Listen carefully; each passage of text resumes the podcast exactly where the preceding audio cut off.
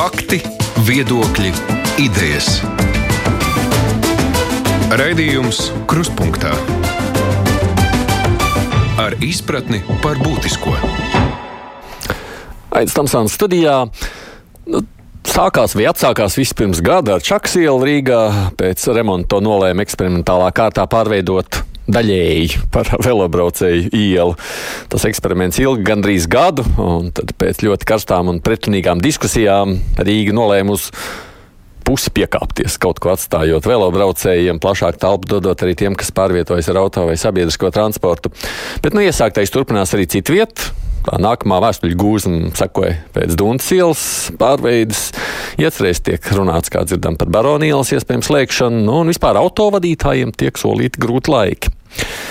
Iespējams, tā liela problēma ir tāda, ka daudz nesaprot, ko tad īsti Rīga dara un kā to visu dara. Tāpēc jautājumi ir, un studijā šeit ir Rīgas vicemērs Vilnis Čirsis, labdien! labdien. Un arī Rīgas domas satiksmes departamenta direktora pienākuma izpildītājs Jānis Vaivats. Labdien! Jā, arī kolēģis žurnālists Pauls Tīmrots. Sveiks! Sveiki. Savukārt attālināts studijā ir pieslēdzies biedrības drošas ielas vadītājs Mārs Janovs. Sveiks, Māri! Labdien! Un arī Nacionālās kravas ekspedītoru un loģistikas asociācijas ģenerālsekretārs Mārs Deimans. Sveicināti! Sveicināti! Diskusija ir dalāma vismaz tādos divos blokos, kas man tā šķiet vīzija un arī tas vīzijas realizācija, izpildījums. Par to vīziju vispirms sākam. Tā ir droši vien zināmā mērā politiska vīzija.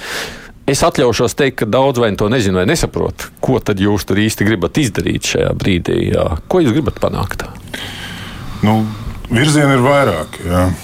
Jūs, jūs ieskicējāt jau, jau vienu dažus, bet es varbūt sākšu ar to, ka ja mēs skatāmies šobrīd uz Rīgu kopumā un pat uz pierīgu, ja, jo tā, tas ir vienots organisms, mēs redzam, ka dramatiski aug mašīnu skaits. Ja, ja mēs eh, paskatāmies Latvijas eh, valsts ceļu datus, eh, tad 19. gadā 100 tūkstoši mašīnas katru rītu iebrauc Rīgā, izbrauc vakarā. Pie tam, salīdzinot ar 5 gadus iepriekšu periodu, tas apjoms ir audzis par 30%. Ja. Mašīnu skaits aug. Un skaidrs, ka, ja mēs tā turpināsim, nu, vienkārši nefunkcionēs. Nu, Rīga nebūs mobīla, ja tur izbraukt nevarēs neviens. Ja. Nu, lūk, un, e, vienīgais veids, kā mēs to varam risināt, un, un, un kas ir arī tāda e, mūsu politiskā prioritāte, ir veicināt sabiedriskā transporta attīstību ātrumu, pievilcību, jā, ērtumu un tā tālāk. Tad vīzija pārcelt cilvēkus no automašīnām uz sabiedrisko transportu. Uh, tieši tā, tieši tā. Tas ir nu, vienīgais variants, ko es redzu, kā ir iespējams uh, pilsētai nākotnē uh, funkcionēt. Tam arī konsekventi mēs sekojam. Jā, tad, piemēram, šobrīd viss nu, galvenokārt investīciju virzieni tiek nodefinēti. Tas pats RRF vai, vai AMN ja, mehānisms, kur mēs esam paredzējuši ap 300 miljoni tieši no sabiedriskā transporta. Neizsaka, jā, bet, nu, nu, respektīvi, doma. Eiropas finansējums jā, no, no citas Aha. aploksnes, jā, kur tad ir. Trīs... Sakot, naudu guldāt iekšā, lai bet, cilvēks bet, atsēdinātu. Bet tieši, tieši sabiedriskā transportā, lai saslēgtu, piemēram, pasažieru vilcienu tīklu ar Rīgas satiksmes tīklu, jo šobrīd viņi katrs dzīvo savu dzīvi. Ja? Un tad ir paredzēts veidot tā saucamos pārsēšanās okay. punktus, lai cilvēkam, kurš, nezinu, piemēram, dzīvo Jālgavā, un viņš šobrīd, nezinu, grib nokļūt kaut kur Rīgā citur, viņš saprot, ka viņam tur pārsēsties nērti, tur, nezinu, ja kāds grib izkāpt Čekurkalnā, Čekurkalnā stacijā, šobrīd viņš pat nesaprot, varbūt viņš kaut kur pa vidam starp Siguldu un Rīgu ir izkāpis, ja? Restīvi, tur tā, tā sistēma nestrādā, tie tīkli ir jāsaslēdz, ja? tas ir viens virziens. Protams, ir, ir, ir dažādi caurumi arī Rīgas satiksmes tīklā. Piemēram, ja mēs skatāmies, tad šis IKEA virziens šobrīd ir tāds, kur nav neviens sliežu ceļš, ne vilciena. Tā iela, drīkst uzreiz saprast, tā, tā iela pārtaisīšana, Čaka iela ir eksperimenti, ir sabiedriskais transports, Dons iela ir sabiedriskais iela. transports, Baroni iela. Nu, tieši tā, Čaka okay. ielas eksperiments, ko viņš parādīja, viņš parādīja, ka uh, nav iespējams viņu uh, pie esošās nu, veidola uh, iz, eh, ar, ar velo infrastruktūru vienlaicīgi eh, nepanākt, kad kavējās, nu, ka nekavējas sabiedriskais transports. Jā. Tieši tādēļ arī eksperimentā mēs secinājām, ka virzienā no centra uz purciem sabiedriskais transports būtiski kavējās. Šobrīd, pēc šīs atsevišķās joslas izveidošanas tieši sabiedriskam transportam, mēs nāksim nākošais nedēļa ārā ar konkrētiem datiem, jā, bet pirm, pirmie dati parāda, ka tā situācija pat ir uzlabojusies pret veco čaku ielu sabiedriskam transportam. Tātad tad pagājušajā rudenī eksperiments parādīja, tas nebija labs, tagad ir labāk. Tieši tā, tā. tieši tā, sabiedriskā transporta pasažieri šobrīd ir ieguvuši pret to situāciju, kāda bija pat pirms remonta darbiem Čakielā. Kas bija arī mērķis. Ja, nu, es saprotu, ir, protams, daļai varbūt vilšanās, kas bija redzējuši to ielu savādāku, ar, ar velo joslām, varbūt abos virzienos, ja, vai kā tam līdzīgi. Bet, kā jau vēlreiz minēju, prioritāte ir sabiedriskais transports. transports un, ja, un, ja tas nekursēs ātri, tad Rīga stāv, viņi jau stāv šobrīd, stāv šobrīd. diezgan, bet viņi arī turpinās stāvēt. Tas, kas notiek Rīgā, Pauli, tev kā savukārt autožurnālistam, ideja pat par sevi jau pārsēdināt sabiedrisko transportu nav nepareizi, vai ne? Ideja jābūt brīnišķīgai, bet arī šī tēma, ka sabiedriskais transports ir mugurkauls, parādījās stipri pēc tam, kad tā čakana jau parādīja, ka nav labi. Tā arī tas, ko Vilnis runā, viņš vien biežāk piemin sabiedrisko transportu. Un, un Pirms tam tas nebija. Tā kā mēs runājam par čakielas velojos, visi runāja par velo, par iešanu kājām, tām lietām. Tā ir jauna lieta dienas kārtībā. Viņa parādījās pēc kļūdas ar čakeni. Un par to ir prieks. Tā kā es domāju, sabiedriskais transports, kurš pārvadā lielāko daļu Rīgas iedzīvotāju, mums ir vismazāk privāto mašīnu uz vienu iedzīvotāju Latvijā, salīdzinot ar Eiropu. Tā kā mēs baigi varam uzspiest sabiedrisko, bet tad mēs esam divreiz mēģinājuši sačakarēt sabiedrisko transportu ar čakeni un Dunkas ielu. Bet vismaz vārdos arī tagad sačakarējam. Nu, tur ir baigi lēni, tās mašīnas stāv troļļuki netiek garām. Tur arī troļļuks kavējās. Nu, tur, tur nav viegli. To, to, ko tu saki, tagad drīkst saprast. Tad tu saki, vīzija būtu ok, bet tu neredz, ka tā vīzija pildās. Nē, es redzu, ka tā vīzija ir pamodusies nedaudz vēlāk, kā sākās šīs rosības. Tā kā es ceru, ka Vilnis varētu kaut ko piebilst. Nu, jā, jā, pie tā, jo, Maz, ka Vilnis ir sapratis, bet eh, pēc divām kļūdām. tā es varētu teikt. À. Nē, nedrīkst papildināt. es, es teiktu, ka nē, tas sabiedriskais transports jau, jau, jau, jau bija vīzija jau pirms tam. Vienkārši kaut vai arī paralēli tai Čakijas eksperimentam, mēs jau tajā brīdī bijām izcīnījušies par to pašu RRF finansējumu, ja, kurā mēs būtiski uz to sabiedrisko novirzījām. Tā tā doma jau bija. Bet ko ir svarīgi atšķirt? Ir svarīgi atšķirt tomēr to Dunkas ielu. Ja, atcerēsimies, pirms diviem gadiem nu, nedaudz mazāk kā pirms diviem gadiem sākās Covid. Jā, neviens nezināja, kas tas par zvēru ir, kā ar viņu cīnīties.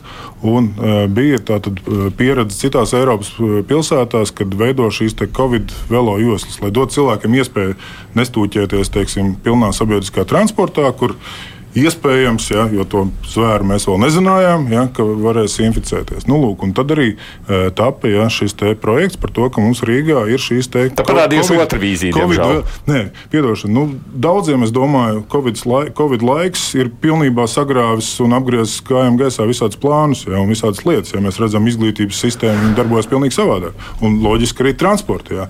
Tāpēc e, e, tika nodefinēti vairāk virzieni, kas ir sarkandaugava, ķēngaraks, Purciems un, un vēl citi, ja, kur mēs izveidojam šīs Covid joslas tieši uz Covid laiku, ja, lai cilvēkiem dotu iespēju nekāpt sabiedriskā, bet braukt savādāk. Ja, un, uh, Tiklīdz nu, Covid tā situācija uh, atļaus, jā, tad viņas tiks ņemtas nost. Vai arī uh, nu, tur, kur viņas traucē, jā. jau pat, jau pat ātrāk. Šobrīd, tā, Tāpēc, lielajā vīzijā šis, šobrīd ir uh, tā, šis, šis, šis, šis, ne, šis, ir, tik, šis ir tikai un vienīgi Covid korekcija, ja tam nav nekāda sakara ar, ar, ar lielo vīziju tie vārdi ir ļoti labi. Ja tas, mēs vēl neesam pat runājuši par to, kurās vietās vajadzētu šīs pagaidu velo joslas. Viņš ir mēram izstāstījis. Bet vienīgā, kurā uztaisīja bija iela, kurā ir ātrie ar savu bāzi, kurā ir traumas slimnīca, vieta, kur nu, vismazāk vajadzēja. Visās pārējās ielās šī ideja ļoti labi strādā, bet te kā aizķērās ātrie, nav vairs. Pagaid, pagaid, pagaid. Drīkst es pirms tā skatīšos Vaivot kungu un pēc tam tiem cilvēkiem, kas vēl skatās mūsu no datora. Jums ir uzdots izpildījums, ar ko rēķināties? Ar vīziju, vai jums vienkārši saka, to vajag un to nevajag? Pēc kā jūs strādājat? Nu, šeit ir jāatkāpjas kādu laiku atpakaļ, vēl pirms šīs domas sasaukuma, pirms pagaidu administrācijas un vispār labu laiciņu atpakaļ. Rīgā ir definētas vispār hierarhija, kādā ir jāiet arī mums jāvadās. Un šis ir tas, ko arī es. Izstāstiet, kāda ir jūsu zināmā hierarhija? Hierarhija, mobilitātes hierarhija, mobilitātes hierarhijas augšgalā galā atrodas gājējs. Tā ir prioritāte numur viens. Tālāk ir nākamais pakāpiens, kurā ir sabiedriskais transports un velotransports. Un šeit kādu laiku atpakaļ, manuprāt, tieši šīs sabiedriskās aktivitātes mēģināja pacelt to velo augstāk par uh, sabiedrisko, bet, manuprāt, nu, tā ir nepareiza vienkārši šīs hierarhijas tulkošana. Bet uh, nu, viņš ir kaut kādā vienādā līmenī, jo tas ir dabai draudzīgais. Mēs aizmirstam par to, ka uh, mums ir apstiprināti arī, un valdība tagad ir vēl pamainījusi šos mērķus klimata neutralitātes uz ko ir jāiet un ko jāievieš faktiski lielākais spēlētājs šajā klimata neutralitātes mērķa sasniegšanā ir Rīga. Kad mums ir no, jāsamazina šīs auto plūsmas, un tas nozīmē paradumu maiņa. Un, ja nav tev sabir, nav privātais transports, kas ir nākamā hierarhijas pakāpē aiz, aiz sabiedriskā un velo. Pēdējā hierarhijas pakāpē ir kravas transports, kuram vispār nevajadzētu būt pilsētas centrā.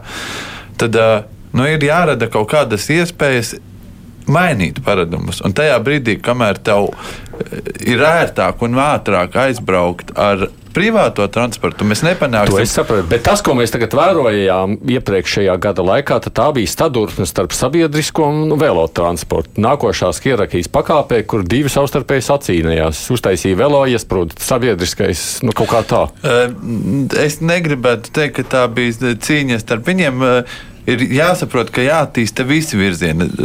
Lielākā problēma Rīgā ir šis naudas līdzekļu trūkums, jo pie ielu rekonstrukcijām mēs droši vien varētu salikt tajā pašā Čaka ielā arī abus šos spēlētājus. Ja mēs dzīvojam nu, taupības režīmā un ielās veicam tikai seguma atjaunošanas, kuru ietvaros mēs nevaram pamainīt ielas šķērs profilu, līdz ar to sanāk šāda duālā nu, sadursme. Tad kurš ir prioritārāks - velo vai sabiedriskais? Manā izpratnē šobrīd nu, ir skaidri definējies un saprotams arī skatoties statistikas datus. Tātad primārais, jebkurā gadījumā, būs, būs sabiedriskais, sabiedriskais transports, transports jo tā lietotāju skaits šobrīd ir lielāks. Tajā brīdī, kad vēl velobraucēju skaits palielināsies un būs vairāk nekā sabiedriskais transports. Tajā brīdī mēs atgriezīsimies un atkal izvērtēsim šo te. Bet, nu, ja man šobrīd jāsaka, kas ir jāvērtē primāri, mm. tad tas tad, ir viennozīmīgi sabiedriskais. Labi, Mārija nav iesaistījuši tagad biedrības drošs ielas vadītājs. Dzirdējāt, es sāku ar vīziju, es gribu saprast, ko mēs gribam panākt. Jums ir skaidrs pašam pareizi šī vīzija. Jā, vīzija attīstības stratēģijā ir ierakstīta pareizi, un tā piramīda tur ir tieši tāda, kā ir ierakstīta. Gājēji, velo, tikai tāds sabiedriskais transports, tad uh, apkalpojošais transports, krāvas, taksometri, viss pārējais, un pēc tam pēdējā vietā privātais autotransports. Un tur ir loģika, jo sabiedriskais transports, lai cik daudz pasažierus viņš pārvadātu, strādā tikai daļu no diennakts. Un darba dienās varbūt vairāk kursē, brīvdienās retāk kursē. Ne katrā ielā piebrauc pie mājas, ne pie katras mājas apstājās. Līdz ar to ir vajadzīgs tas starposms starp iešanu kājām, visu gabalu A, B, kas dažiem cilvēkiem tomēr ir pārāk tālu, lai to darītu, un sabiedrisko transportu, kas nekursēs vienmēr, nekursēs visur. Velo ir tas starposms, kas ir ļoti nepieciešams pirmkārt pilsētas mobilitātei, Un otrkārt, bez attīstītas velo infrastruktūras nav iespējams uh, nodrošināt gājējiem drošu pārvietošanos. Māri, kur jūs to vīziju lasījāt? Jo es te redzu, ka man studijas viesi krata ar galvu un saka, nē, nē, nē. Tad kur tad, tā, kur tā tad ir tā piramīda? Ir uh, Rīgas domas uh, 2015. gadā apstiprinātajā pilsētas attīstības stratēģijā 2030. gadam. À, tā ir vecā doma, tā ir vecā doma, tā neskaitās. Tā ir tā pati doma, uh, kur liela daļa domnieku joprojām strādā arī šajā sasaukumā. Tā ir aiziepriekšējā doma. Un, uh, tie, kas tagad palikuši opozīcijā, toreiz bija pozīcijā, viņi balsoja par, un arī tie, kas toreiz bija opozīcijā, balsoja par. Un ar šo stratēģiju pirms vēlēšanām fotografējās un uh, rādīja un uh, bakstīja ar pirkstu. Arī, arī tā skaitās schēmās, ka gājējiem un velo tiek nodrošināts taisnākais ceļš. Un privātajam transportam vismazākās iespējas taisnē, ātri un tā tālāk pārvietoties, piekļuvis iespējas, jā, bet ne obligāti taisnākais ceļš un visērtākais. Mm. Nu, labi, tā tad es jau redzu šeit vīzijas sadursmi. Ka, lai nav tā, ka uzreiz kāda netiek pie vārdas, tāpēc arī Dreamaņa kungam. Es nesapratu, jūs esat vai nu pašā apakšā vai priekšpēdējie tagad runājot par kraus. Ko jūs sakāt par visu šo? Jā, nu es saprotu, ka mēs esam pašā apakšā, bet tad droši vien ir jāiedala divi bloki, par ko mēs runājam. Viens ir uh, par vietējām kraus piegādēm uz uh, veikaliem Rīgas centrā un Rīgā. Un uh, otrs ir par tranzītu, kas nāk no ostām un iet ārā no Rīgas, iet prom uz citām valstīm. Tas, ko var piebilst par tranzītu, cik mēs redzam pēdējā laikā, tas tiek kārtots. Uh, Sarkandaugavā tie tilti visi, kas pie, pieslēdzās pie ziemeļa loka, tā kā nu, tur, lai jums veicās, lai Rīgas domē veicās ātrāk ar šiem darbiem tik galā, uh, Un, protams, vēl jāpiebilst, ka apceļš ap Rīgu ir jāsakārto, jo kamēr tur būs viena josla katrā virzienā, jūs redzēsiet ļoti daudz joprojām. No, nu, tur arī satiksmes ministrija strādā, to mēs zinām. Jā, jā nu, labi, tur satiksmes ministrija strādā. Un eh, otrs eh, par Rīgas centru, otrs bloks, kas ir jāņem vērā, ir vietējās kravu piegādes uz veikaliņiem. Uh, uz veikaliem. Un, nu, tur jūs, es dzirdēju, Vaigot kungu frāzi, ka no kravas auto vispār vajadzētu izvairīties centrā, un tādas iespējas nav. Tur, protams, to var organizēt pa naktīm tās piegādes vai agrās rīt stundās pirms sastrēguma laikiem, bet uh, kravas transports ir un būs, un neviens velo vai sabiedriskais uz veikalu trīs vai četras paletes piegādāt nespēs. Bet nu, tā pašreizajā situācijā nu, jūs jau tur arī sēžat tā, tā pašā uh, rindā kā vispārējie, vai ne? Ielās. Nu, patreiz arī, un tad uh, tieši nu, tā. Kā transporta aprindās mēs sakām, stabiņas sāga ietekmē arī mūs, jo, piemēram, pavisam vienkārši piemērs, lai šobrīd piegādātu kravu, bie, bieži vien mašīnai 9 metrīgai kaut kādai skānijai, ja viņai ir jāapstājās Agrāk viņi varēja apstāties pie veikala durvīm, un tas, pārvad, tas šofers mierīgi varēja šo krāvu ienest iekšā. Šobrīd jāapstājās 300 līdz 400 metrus, nu, labākajā gadījumā tālāk. Līdz ar to šīs piegādes, ko vienā dienā var veikt viena mašīna, viens šofers, viņas ir divreiz mazāk. Nu, tā nosacīt, lai, lai mašīna vispār nopelnītu, būtu jāveic dienā kāds 15 piegādes. Šobrīd var veikt līdz 10. Un kas tajā brīdī notiek? Uzņēmējs, protams, viņam ir jāveic šis kravu piegāžu apjoms. Viņš uzliek uz maršrutu vēl vienu mašīnu. Šajā brīdī jūs iegūstat nevis mazāk mašīnas piegādēm centrā, bet jūs iegūstat divreiz vairāk mašīnas, kuras ir Rīgas centrā vietējām kravu piegādēm. Tas, ko es tādu klausos, drīkst, es tādu apaļošu. Tā. Pir, man te sanāk divas lietas, klausoties līdz šim, ko mēs esam runājuši. Pirmkārt, jums nav īsti skaidrs, kurš ir svarīgāks. Uh, es te dzirdu tagad.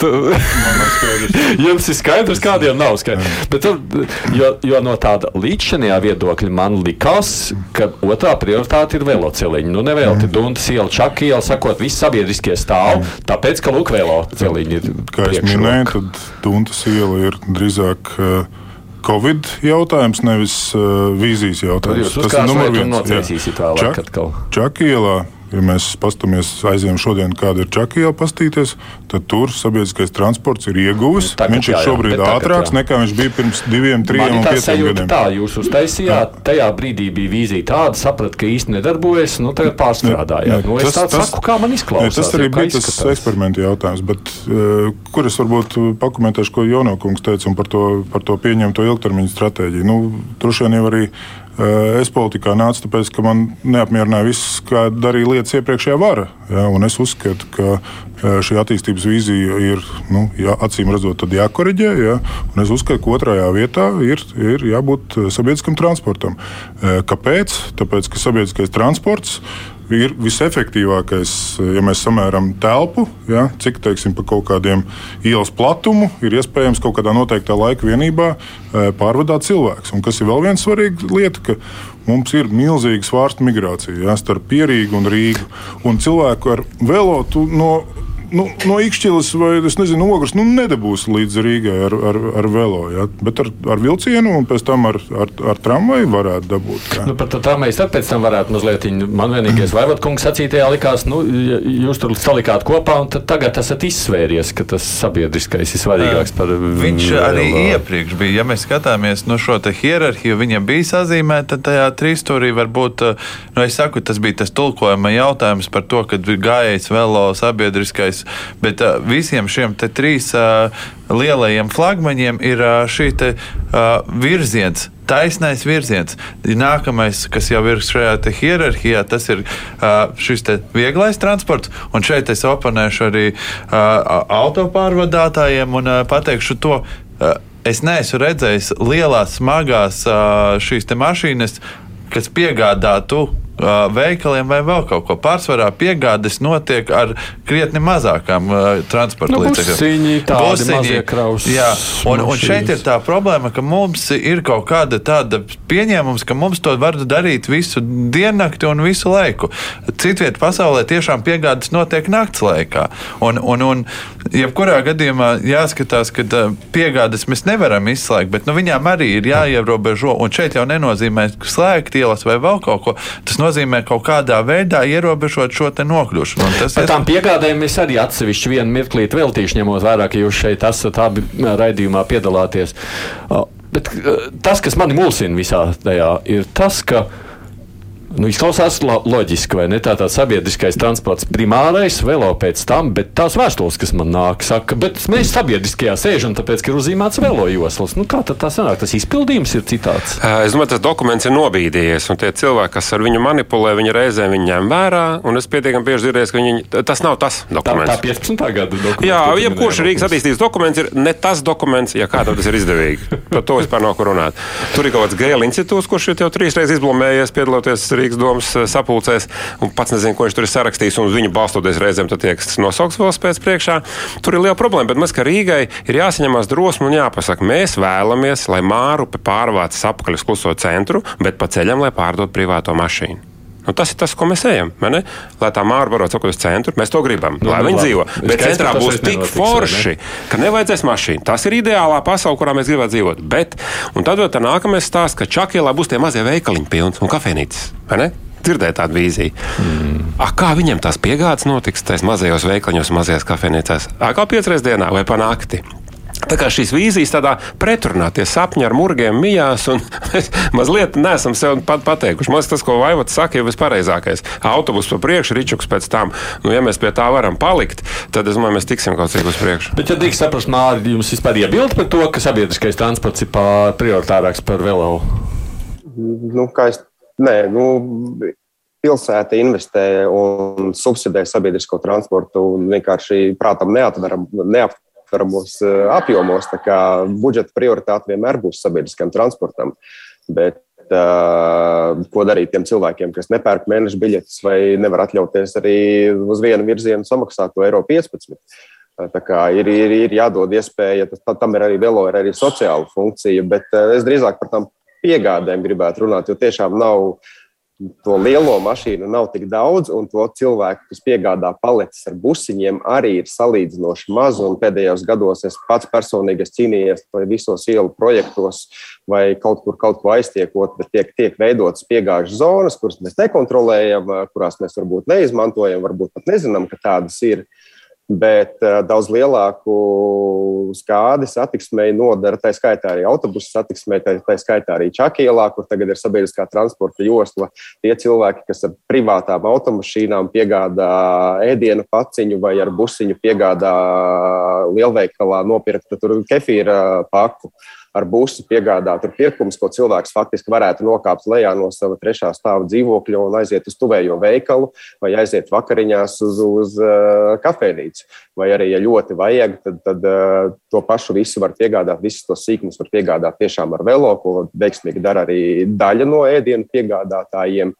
Nav tālu jāskatās, tepat pāri Stokholmā ir iebraukšanas maksa centrā, un attiecīgi pēkšņi izrādās, ka pie normālas, kaut cik normālas velo infrastruktūras ir iespējams savādākas piegādes, arī tā skaitā 300, arī tā skaitā 500 kg, kur kravas velosipēdā uzreiz iekrauj mazo eiro paleti, uzreiz ar pacēlāju un tiešām pieved pie pašām veikalu durvīm, nevis līdz tuvākajai piegādes stāvvietai, kur ceļ ārā, liek uz ratiņiem un velk. Uh, ir iespēja savādāk piegādāt. Jautājums par to, vai, vai ir interese to darīt, jo šobrīd nedz policija kontrolē piegādes, nedz, nedz uh, arī uzņēmējiem pašiem ir kaut kāda, nezinu, varbūt atbalsta sistēma nepieciešama, lai pārkārtotos, bet faktiski pilsētas infrastruktūra jau nepiedāvā to veidu, kā piegādāt. Ja Čakielā vasarā varēja piegādāt ar kravas velosipēdiem, tad tagad, kur tam kravas velosipēdam likties vienā virzienā, braukt pa ietvi, vai arī braukt pa baronu ielu, kur viņš iesprūdīs starp stāvošām automašīnām un tramvaju, un neizpildīsies Vaivoda kunga minētais taisnākā ceļa kritērijs velosipēdiem.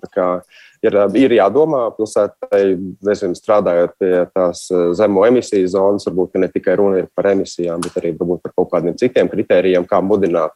Tā skaitā arī kravas piegādāt gudrāk, jo tiešām kravas auto noputējis baltais busiņš nav vienīgais veids, kā var piegādāt. Es saprotu, ka piegādes jūs ļoti interesē. Nu, mazliet tad arī kāds minūtes veltām tām piegādēm.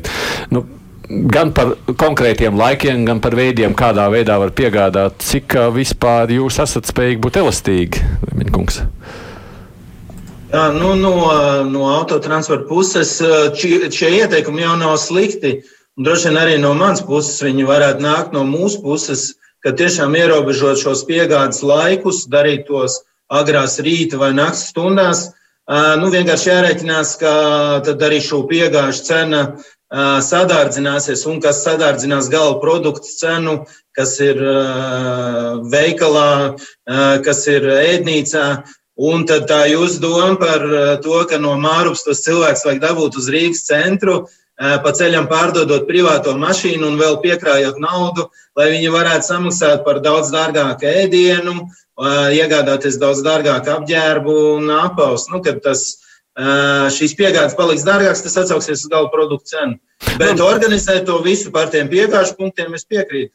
Kāpēc gan ne? Es pats esmu daudz ceļojis pa Eiropu, atradies uz ielas naktas stundās, un tur šīs kravu, kravs, kravu, kravu mašīnas naktas stundās, nu viņas ir daudz un piegādes tiek veikts. Jā, Man liekas, ka tas varbūt ir reizes mēs par kaut ko maksājam. Nu, es jau nezinu, cik tas šausmīgi sadārdzināt tajā brīdī, kad piegādē neved... otrā galā jābūt tam, kas pieņem.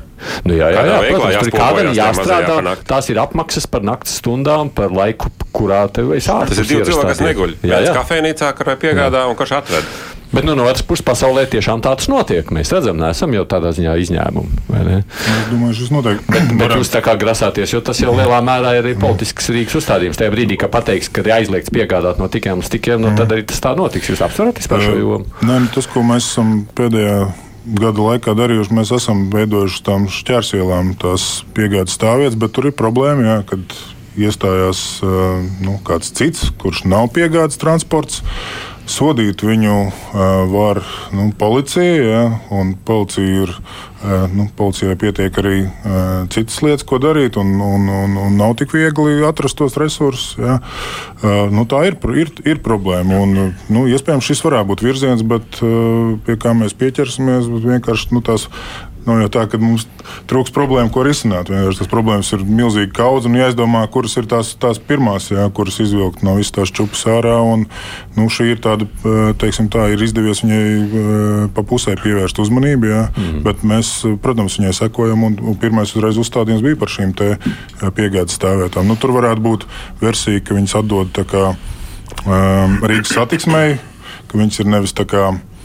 Uh, ka var sodīt nevis tā kā administratīvais sots, nevis policists, ja, bet var sodīt, piemēram, līdzīgi kā Rīgas satiksmes gadījumā, kad plāksteri uzlīmēt par to, ka tu teiksim, kaut kādā P zonā esi atstājis neatbilstošu automašīnu vai kaut kā tamlīdzīga. Nu, ir, ir dažādi varianti, esam domājuši.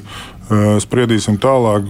Problēma ir, jā, un varbūt arī tiešām šie laiki būtu vēl viens risinājums. Jo tomēr arī tie saprot, ka pieaug kaut kādas izmaksas, bet nu, tur droši vien tie sabendētie nervi tur braucot un riņķojot ap tām mašīnām, iespējams, maksā vēl dārgāk.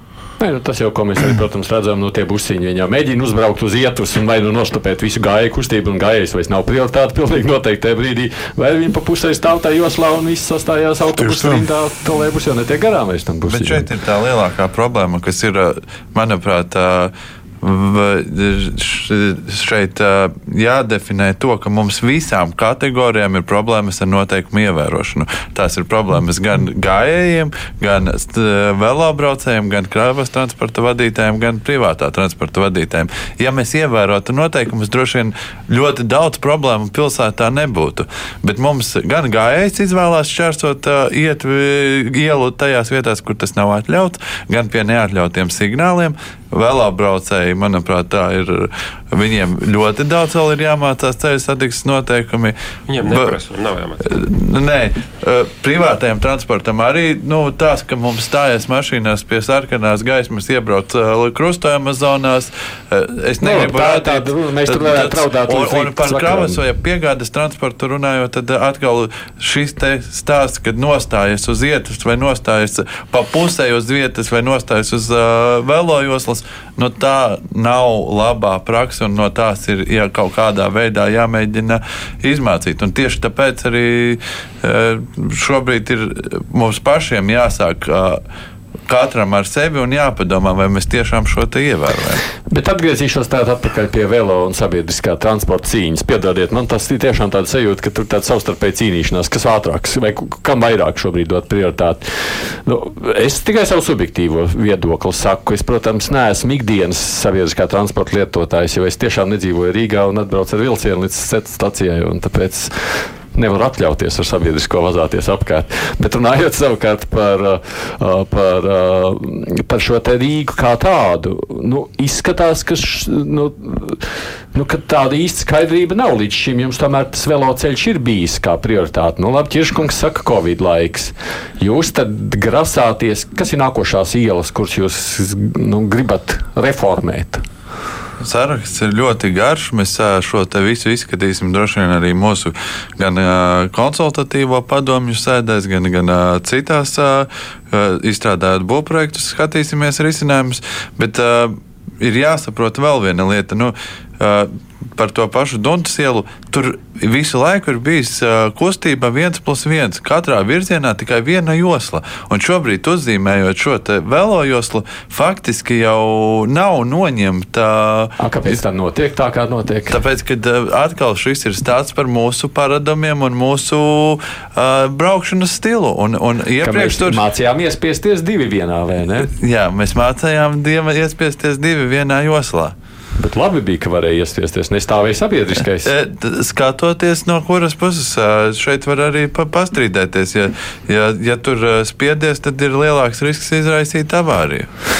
Es vienkārši jautāju par to, kādā veidā jūs redzat, ja runājam par ielu izbūvi. Nodrošinātā sabiedriskā uh, transporta josla. Jo tajā brīdī, ja mēs atstājam vienu joslu, gan auto, gan sabiedriskiem, nu tad stāv visi. Vai ne? Uzbūvējot celiņu. Tad tur ir kāds cits variants? Tur jau nav citu variantu. Ne, nu, skaidrs, ka mums būs jāiet virzienā, ka mēs arvien vairāk dosim prioritāti sabiedriskam transportam. Nu, tas nozīmē, ka ielas ielā, ja ir viena josla turp un viena atpakaļ, piedodiet, tad brauc sabiedriskais, un kur tā paliek? Parastais vispār slēgsim ciet. Nu, ir vietas, kur, protams, t- to īsti nevar Nevar izdarīt. izdarīt, tā tad. jā, bet ir vietas, kur to var izdarīt. Nu, jā, bet, nu, Tāpēc, paņemam ā, to pašu Dunas ielu. Nu, ir jau labi, ka mums ir piemēra Čakiela, Dunas iela. Nu, ir variants tā tad. Tā tad. Tuntas iela šobrīd tiek ļoti aktīvi monitorēta. Mēs ievācam datus. Ja apskatās ā, pirmās dienas, kas darījās Tuntas ielā, un apskatās šodienas situāciju. Situācija ir pamainījusies aptuveni uz 40%. Nu, nav vairs tā milzīgā sastrēguma, kas Nu, bija pirmajā visi saprata, ka jābrauc pa citu ielu. Viņš ir pastīties pulkašu briežielu. Tad nē, redzēsim nē. ganību dāmu, bet nevar uz vienu ielu skatīties. Nē, nu, šeit ir tas stāsts. Bet, jebkurā gadījumā mums šobrīd ļoti aktīvi notiek stāsts un, un pētīšana par ā, Dunkas ielas risinājumiem, kurā mēs iesaistām visas ieinteresētās puses. Un līdz ar to, kā jau mēs arī noteicām, teiksim, tajā brīdī, kad tika pieņemts lēmums par to, ka tajā vietā ir jābūt tai velo joslai, nebija vēl vakcīnu, nebija šis te, un līdz ar to bija uzstādījums, ka ļoti vajag. Bet uh, valstī un normatīvai akti paredz kaut kādu kārtību, kādā veidā mēs varam ieviest šāda veida projektus, un bieži vien ir šī aizkavēšanās. Un, un šeit, šis ir tas gadījums, kad Dontas ielas situācija viņai vajadzēja parādīties iespējams jau pagājušajā gadā. Viņa parādījās šogad septembrī, bet uh, tur uh, iepirkums uz viņas ierīkošanu tika rīkots trīs reizes. Bet, ja klausoties, Čirškungs saprot, tas ir uz vienu gadu. Es ceru, ka pandēmija pēc gada beigsies un atkal klausosies ciet. Tas taču arī. Nu, no, bet Droši vien cilvēku dzīves un veselības ir vērtīgāks. Ja mēs paskatāmies kaut vai tos aprēķinus, ko ekonomisti ir teikuši, viena cilvēka dzīve 200 tūkstoši eiro, tad izglābsim vienu cilvēku, jau būs uh, atmaksājusies. Un, un atceramies, ka situācija tomēr nevis šobrīd neskatāmies ar šodienas acīm uz situāciju pirms pusgada un gada, paskatāmies ar tās dienas acīm, ja, kad cilvēki pat uh, nu, baidījās nezinu, iziet, eh, jebko darīt. Jā, nesaprot, kas tas par zvēru ir. Nu, šobrīd jau, protams, kad ir savakcinējušies gandrīz pusi, un tā situācija ir savādāka. Bet arī nu, joprojām tas ir aktuāli, jo, jo daudz joprojām nav savakcinējušies. Mārcis, savukārt no tāda riteņbraucēja puses skatoties, ko darīt, lai nesanāk šobrīd cīkstēšanās, jo būtībā cīkstēšanās ir starp diviem svarīgiem transporta veidiem, gan velo, gan sabiedriskais transports nu, to cīkstēšanos īsti neredzu. Ja nu vienīgi kaut kur tā nu, tiek uztaisīta kaut kāda konflikti telpas ziņā, jo nu, īsti jau velo satiksme netiek šobrīd risināta sistemātiski. Un, un tas, ko tagad sauc par Covid, nu, tiešām Covid sākās pirms diviem gadiem. Uh, Pagājušā gada pavasarī nevalstiskās organizācijas un aktīvisti cēla traci par to, ka halo ir jau maijs. Mēs vispār neesam sākuši domāt, tad mēs sākām domāt. Pagājušajā gadā neko neizdarījām, izņemot ziemā, paspējām uztaisīt zemitānu tiltu velojoslas. Un, nu, ziniet, tur netraucē tās velojoslas, netraucē sabiedriskajam transportam. Nu, tur ir plats. Tur ir plats jā, jā, jā. Nu, tā kā bija, bija nu, Duntas iela, Duntas iela uztaisot pagājušajā gadā, iespējams, ka arī būtu nu, savādāk saprašana par to, kāpēc viņi tiek taisīta. Bet uh, arī es monitorēju situāciju Dunkas ielā, un tur tiešām tas nu, jā, ir lēnāka satiksme. Jā, tur vairs nevar tur zigzagā tur, uh, izgonkot. Uh, kāda tāpat tās to, protams, mēģina darīt autovadītāji. Jā, tur kaut kāds sabiedriskais transports varbūt kavējas vairāk pašā Dunkas ielā, bet toties pēc tam ir atbrīvojusies nedaudz Valdemāra iela. Tā kā, ja, ne, ja nedarīs, nedarīs tā kā ar Čaku ielu, kas skatās sabiedrisko transportu tikai vienā konkrētā nogriezienī, bet skatās, piemēram, maršrut, maršrutā kopumā, tad tā aina varētu nebūt nemaz tik bēdīga arī tajās pirmajās nedēļās, un, un, un tagad tiešām ir pagājušas Tad šī laikam ir trešā nedēļa, tikai vai varbūt ceturtā ir sākusies. Nu, lai cilvēki pierastu vispār pārorganizētos nu, kaut kādu divu mēnešu, tad tiešām var sākt kaut ko vērtēt. Nav tik traki. Mēs darām ļoti maz eh, velo sabiedriskajam transportam, kaut ko nodarījis. Ir ļoti maz, un man, protams, gribētos, lai tur, kur tad dara, tad arī nāk kaut kāds labums eh, sabiedriskajam transportam un pasažieriem. Tā skaitā ne tikai atbrīvo ietves no velospēdistiem, bet arī varbūt uzbūvē sabiedriskā transporta platformu. Tā skaitā Čakielā neizdarījām to zemitānu tiltā, neizdarījām. Šovasar piekrāsojām klāt kurvciemā pie pilnīgi sabrukušām, cauri pilnīgi sabrukušām sabiedriskā transporta pieturām, izkrāsojām velo joslas. Nu, diezgan briesmīgs skats, jo nu, es, es, es kā sabiedriskā transporta lietotājs būtu ļoti, ļoti sašutis par to, ka man ir jāstāv tajā pašā sabrukušajā pieturā, kamēr tur blakus ar ļoti dārgu termoplastu ir uzkrāsota uh, veloceļa krāsa. Tā kā, nu, gribētos redzēt arī tajos objektos, ko mēs aiztiekam ar pagaidu līdzekļiem, kaut vai risināt, risināt to sabiedriskā transporta problēmu ne tikai kā bija pēc viena kritērija, vērtējot tikai sabiedriskā transporta, transporta vienības kustības ātrumu un nogriezni A, B, bet arī tiešām padomāt par pasažieriem. Pirmkārt, kā viņi tiek līdz pieturai, jo tas arī ir pār, pārvietošanās no, laiks. Cik tas, ilgi viņiem ir jāgaida jā. pieturā, kāda ir tā pietura? Tā kā, jā, priekšā. Nu, tas, ko es klausos šobrīd, laimīgi nav ne riteņbraucēji, ne sabiedriskā transporta braucēji, ne autobraucēji. Beigās visiem pagaidām nav lāga. Tavu versiju, ko vispār darīt? Es, nu, man nav īsti skaidrs, man būtu jautājums varbūt um, Vilnim. Kāpēc ir bail pateikt, ka sabiedriskais ir karalis un mēs viņam taisīsim joslas? Nu, kāpēc no tā ir jābaidās? Jo tagad ir tāda klusējot, mēģina tā sabotēt vieglo mašīnu. Nu, skaidrs, ka viņai nevajag būt centrā, to viss piekrīt, nebļaustītos. Bet ir tādas bailes veidot sabiedriskā transporta joslas. Kaut gan ir milzīga drosme veidot jocīgas velo joslas. Tā kā tas ir tas. Un arī otra lieta. Par šādunci ielā. Jā, visur. Ja, mums ir baigā duša taisīt čābīgas velo joslas, bet galīgi no dušas taisīt uh, trolēbus joslas. Un otra lieta argumentēt ar drošību un pat tiem 200 tūkstošiem, cik maksā viena dzīvība vai pusmiljons, ko maksā viena dzīvība, ir diezgan tā, nu, mazliet zaimojoši, jo reķina ātrā palīdzība viņai jāierodās dažās minūtēs pie tā cietušā. Un mēs tur viņus kavējam pa vairākām minūtēm. Tur ir noteikti vairāk bojā gājušo no tā, ka nedabrauc laikā ātrie, nekā mēs iegūstam, ka velospēdam ir kur braukt. Te tā duntas iela ļoti tāds. Nu, Mūsinošs jautājums. Pēc brīža sazvanīsim. Nu, tad pēc Timrota kunga pieprasījuma, Jā, sabiedriskā kamēr, kamēr nu, būs manā politiskā pāraudzībā šī joma, sabiedriskais transports būs karalis. Eh, Tas, kā es to, tas, kā es to redzu, jā, ir nu, mums tuvākajos, tuvākajā gadā ir jāizstrādā šis zemo emisiju zonu šis pētījums un jāsāk viņš ieviest. Gribam vai negribam, bet tas nozīmēs kaut kādu veidu ierobežojums privātām automašīnām iebraukt Rīgas centrā. Jā, vai nu tie būs kaut kādi dīzeļi ar, ar, ar lieliem dūmojušiem motoriem, jā, vai pāri nepāri numuri, pāri nepāri dienās vai kā tam līdzīgi. Bet nu, šādi būs, jo tas gaisa eh, kvalitāte Rīgas centrā ir, ir slikta un mums ir šis jautājums jārisina. Pretējā gadījumā mums būs liels soda naudas eh, no Eiropas, no valdības un tā tālāk.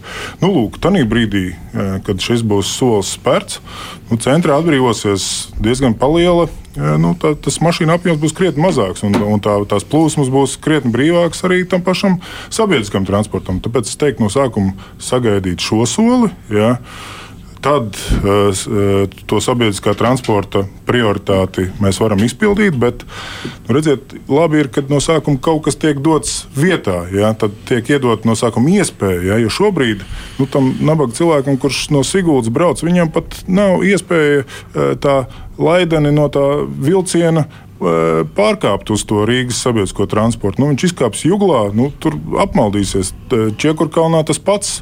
Nu, centrālā stācijā pāri nu, visam pāri. Nu, Zemitānu īstenībā ir daudz maz vēl pat tuvāk. Pa sabrukušām trepēm var uzkāpt uz, eh, uz Zemitānu tiltu un, un, un, un, un tikt, ja, kur mēs plānojam remontēt. Ja, bet nav, nav respektīvi šobrīd nodrošināta tāda laba iespēja, kā ar sabiedrisko transportu no Pierīgas, no Rīgas tā labi kursēt. Un tad brīdī nostādīt visus tādā sāpīga fakta priekšā, nu, nav, manuprāt, pareizi. Tāpēc, teikt, pirmais solis īstenojam šos visus projektus, kas ir e, tuvākās piecas gadus paredzēti.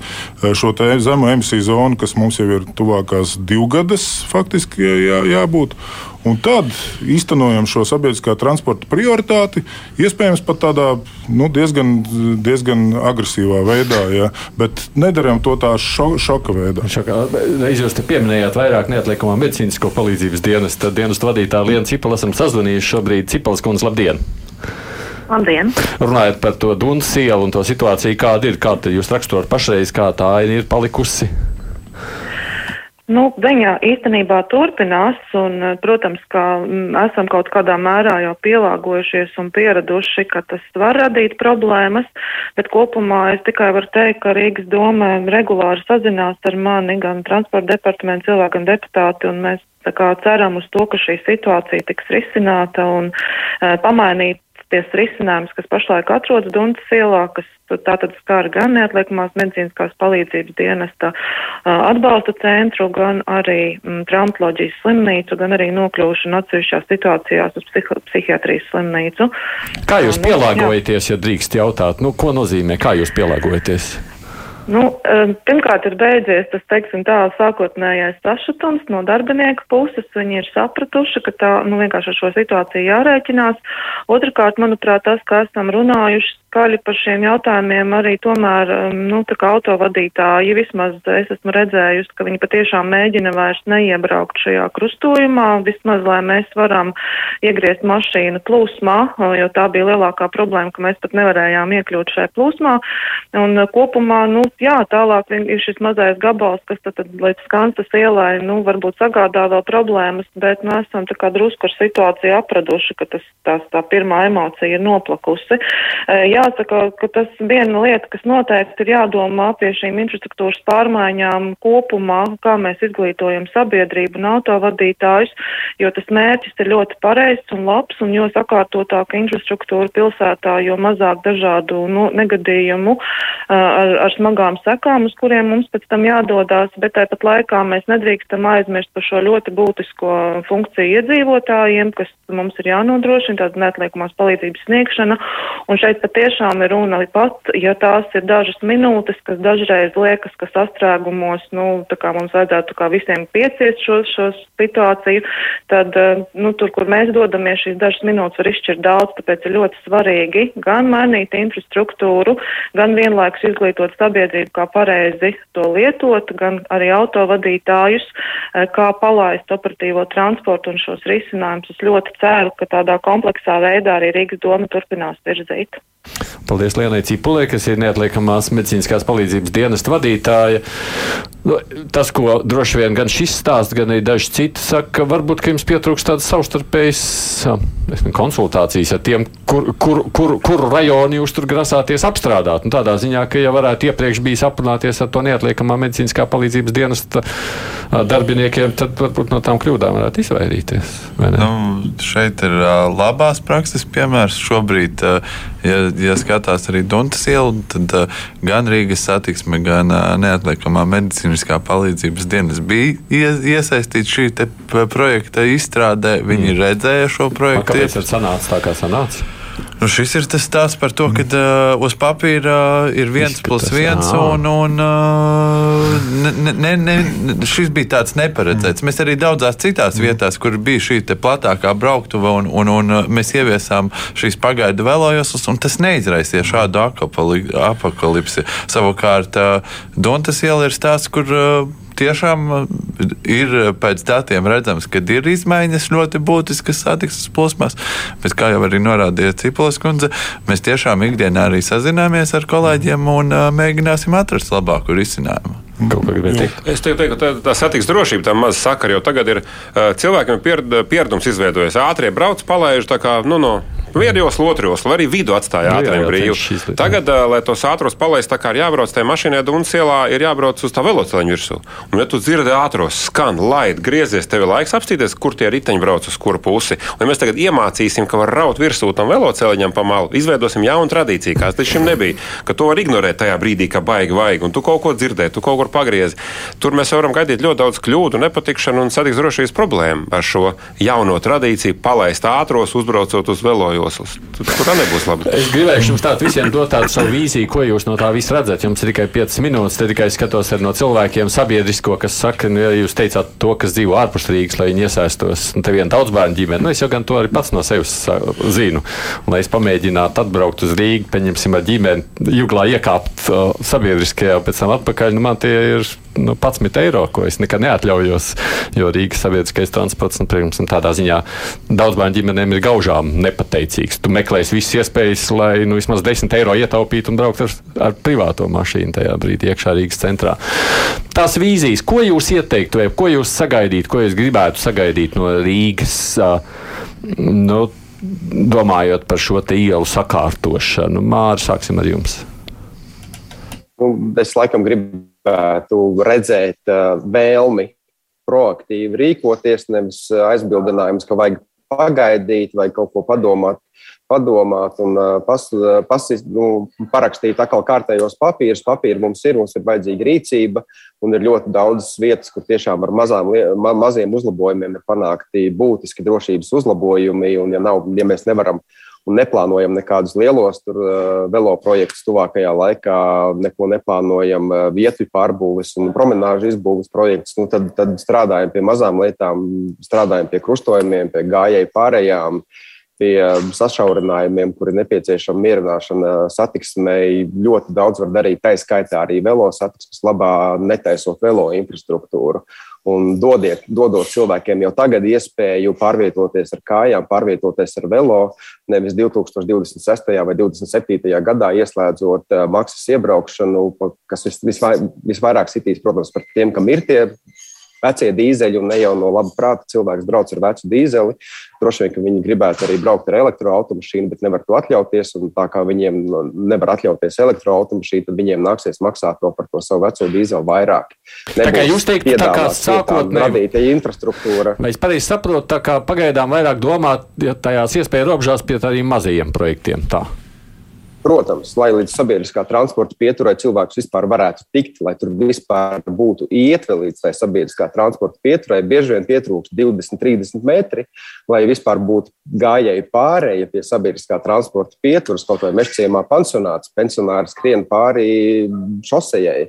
Nu, ļoti daudz mazu lietu, ar kurām var izdarīt ļoti, ļoti daudz, un ko cilvēki novērtē un arī novērtēs. Tā kā vēlu Labi, jā. Novēlu paskatīties tajā virzienā. Dreimaņkungs. Tikai ieslēdziet mikrofonu, citādāk mēs jūs nedzirdēsim. Jā, no savas puses, tad mēs esam atvērti dialogam, un forši ir, ja ir dialogs pirms kaut kas tiek izmēģināts, un nevis tikai uzlikts un teiks, nu tā sanāca, bet ka to var arī izvērtēt. Mums nozarē ir ļoti daudz speciālistu, kur arī var palīdzēt, esam gatavi sadarboties ātri ieminoties par tām par emisijām. Piemēram, tās mašīnas, kuras šobrīd veic starptautiskos kravu pārdājumus uz Vāciju, Franciju, Itāliju, viņas visas jau ir ar ļoti labiem motoriem, tur Eiro 4 labi ir, ja, ja zemākais, ko vispār laiž iekšā kādā pilsētā. Tā kā tās mašīnas, ko es esmu redzējis, kas veiks Rīgas centrā piegādes, Viņi tiešām tur daži ir stipri tādi dīzeļi, kuriem varbūt nevajadzētu atrasties uz ielas, bet nu, tas ir atkal jūsu kompetencē noteikt, kurus tad laist un kurus nelaist. Bet nu, transporta nozare pielāgojās jebkam, tā kā esam atvērti dialogam, labāk runājam pirms tam nekā jau reaģējam uz kādiem nepārdomātiem lēmumiem. Tā kā vairāk sarunas tieši arī ar jums. Arī tajā pašā skaitā tikai tāda maza piebilde, piemēram, par šo te piegādi naktī. viens raksta, ja man divām piegādās tikai naktī, tad es vācos prom no Rīgas. Atkal nav labi. Tā kā redzos grūtos risinājumus jau ir atrast. Es domāju, ka arī jābūt domē vairāk drosmes par to, ka pateikt, mēs gribam, lai jūs deklarēties centrā un pārdodat savu mašīnu. Nu, tā kā ir jābūt, jo tas būs tā zemo emisiju zona. Būs, tad nebūs tev tā mašīna cena to baidās pateikt. Mēģina tā kā iztikt ar, ar blakus lietām. Nē, nu, kā, to vajadzētu pateikt. Nu, vajag drosmīgi pateikt. uz Rīgas. Nē, bet nu, mēs tā kā vēlamies, lai viņi ir. Nu, Bet tā kā labi. nedaram. Un lielāka drosme veidot šīs sabiedriskā transporta jolas un runāt ar iedzīvotājiem centrā, sevišķi par to, ka viņiem būs šī zemo emisiju zona. Un, nu, tas ir svarīgi man šeit. Nu, Jums, es nezinu, man tāda pusminūte, ķirškungs tikai. Nu, es jau pēc būtības to vīziju ieskicēju. Ja? Nu, es redzu, ka tas sabiedriskais transports ir kā mugurkauls, un, lai to eh, īstenot, ir jāveic vēl daži tādi ķēdes iztrūkstoši posmi, tas pašs austrumu maģistrāls pabeigšana, jā, šo projektu eh, realizācija, dažādi pētījumi. Un, protams, mēs varam tur gribēt visu kaut ko, bet eh, nu, esam mēs tomēr arī tādā budžeta situācijā, kur esam. Tā situācija ir gaužam bēdīga. Ja. Mums ir apmēram šobrīd 50% finansējums tikai no tā ielu uzturēšanas budžeta, kas būtu nepieciešams. Ja. Un tad, ja kādu runāt par attīstību brīdī, kad tev nav naudas, ko notīrīt sniegu, ir grūti. Un, diemžēl viņi notiek visi uz kaut kādu fondu projektu bāzes, un tiem atkal ir savu kaut kādu nosacījumu. Nav tā, ka mēs varam tur eh, šobrīd, piemēram, lai tādu ielu eh, vienkārši paņemt vienu ielu un saremontēt, nu īstenībā tam finansējums nav. Jā. Tā kā, nu, Nu, ir, tur ir jau ir daudz. zināma, jā, Ir- ir darīt. spirāli. Iedzīvotāji maksā naudu, iedzīvotāji aiziet, tāpēc naudas ir mazāk, un naudas ir mazāk, tā. tāpēc nevar izdarīt. Tā kā mums, to no vajag, tās mums to vajag pārlauzt un, un noteikti virziens darīt Rīgu patīkamu dzīvošanai, nevis tikai atbraukšanai, pastrādāt. Ir, ir noteikti virziens, kurš jāsaglabā. Un mobilitāte, kā uh, sabiedriskais transports, kā mobilitātes mugurkauls, es domāju, tikai vienī, vienīgā iespēja, kā to nodrošināt. Par sabiedriskā transportu arī būtu vispār atsevišķa diskusija. Vilnis Čirs, Rīgas vicemērs Jānis Vaivots vada šobrīd satiksmes departamentu, drošas ielas vadītājs, biedrības drošas ielas vadītājs Mārs Janovs bija attālināts, tāpatās kā Nacionālās kravas ekspedītāra loģistikas asociācijas ģenerālsekretārs Mārs Dreimans, no mans kolēģis arī šeit uh, Pauls Timros, žurnālists.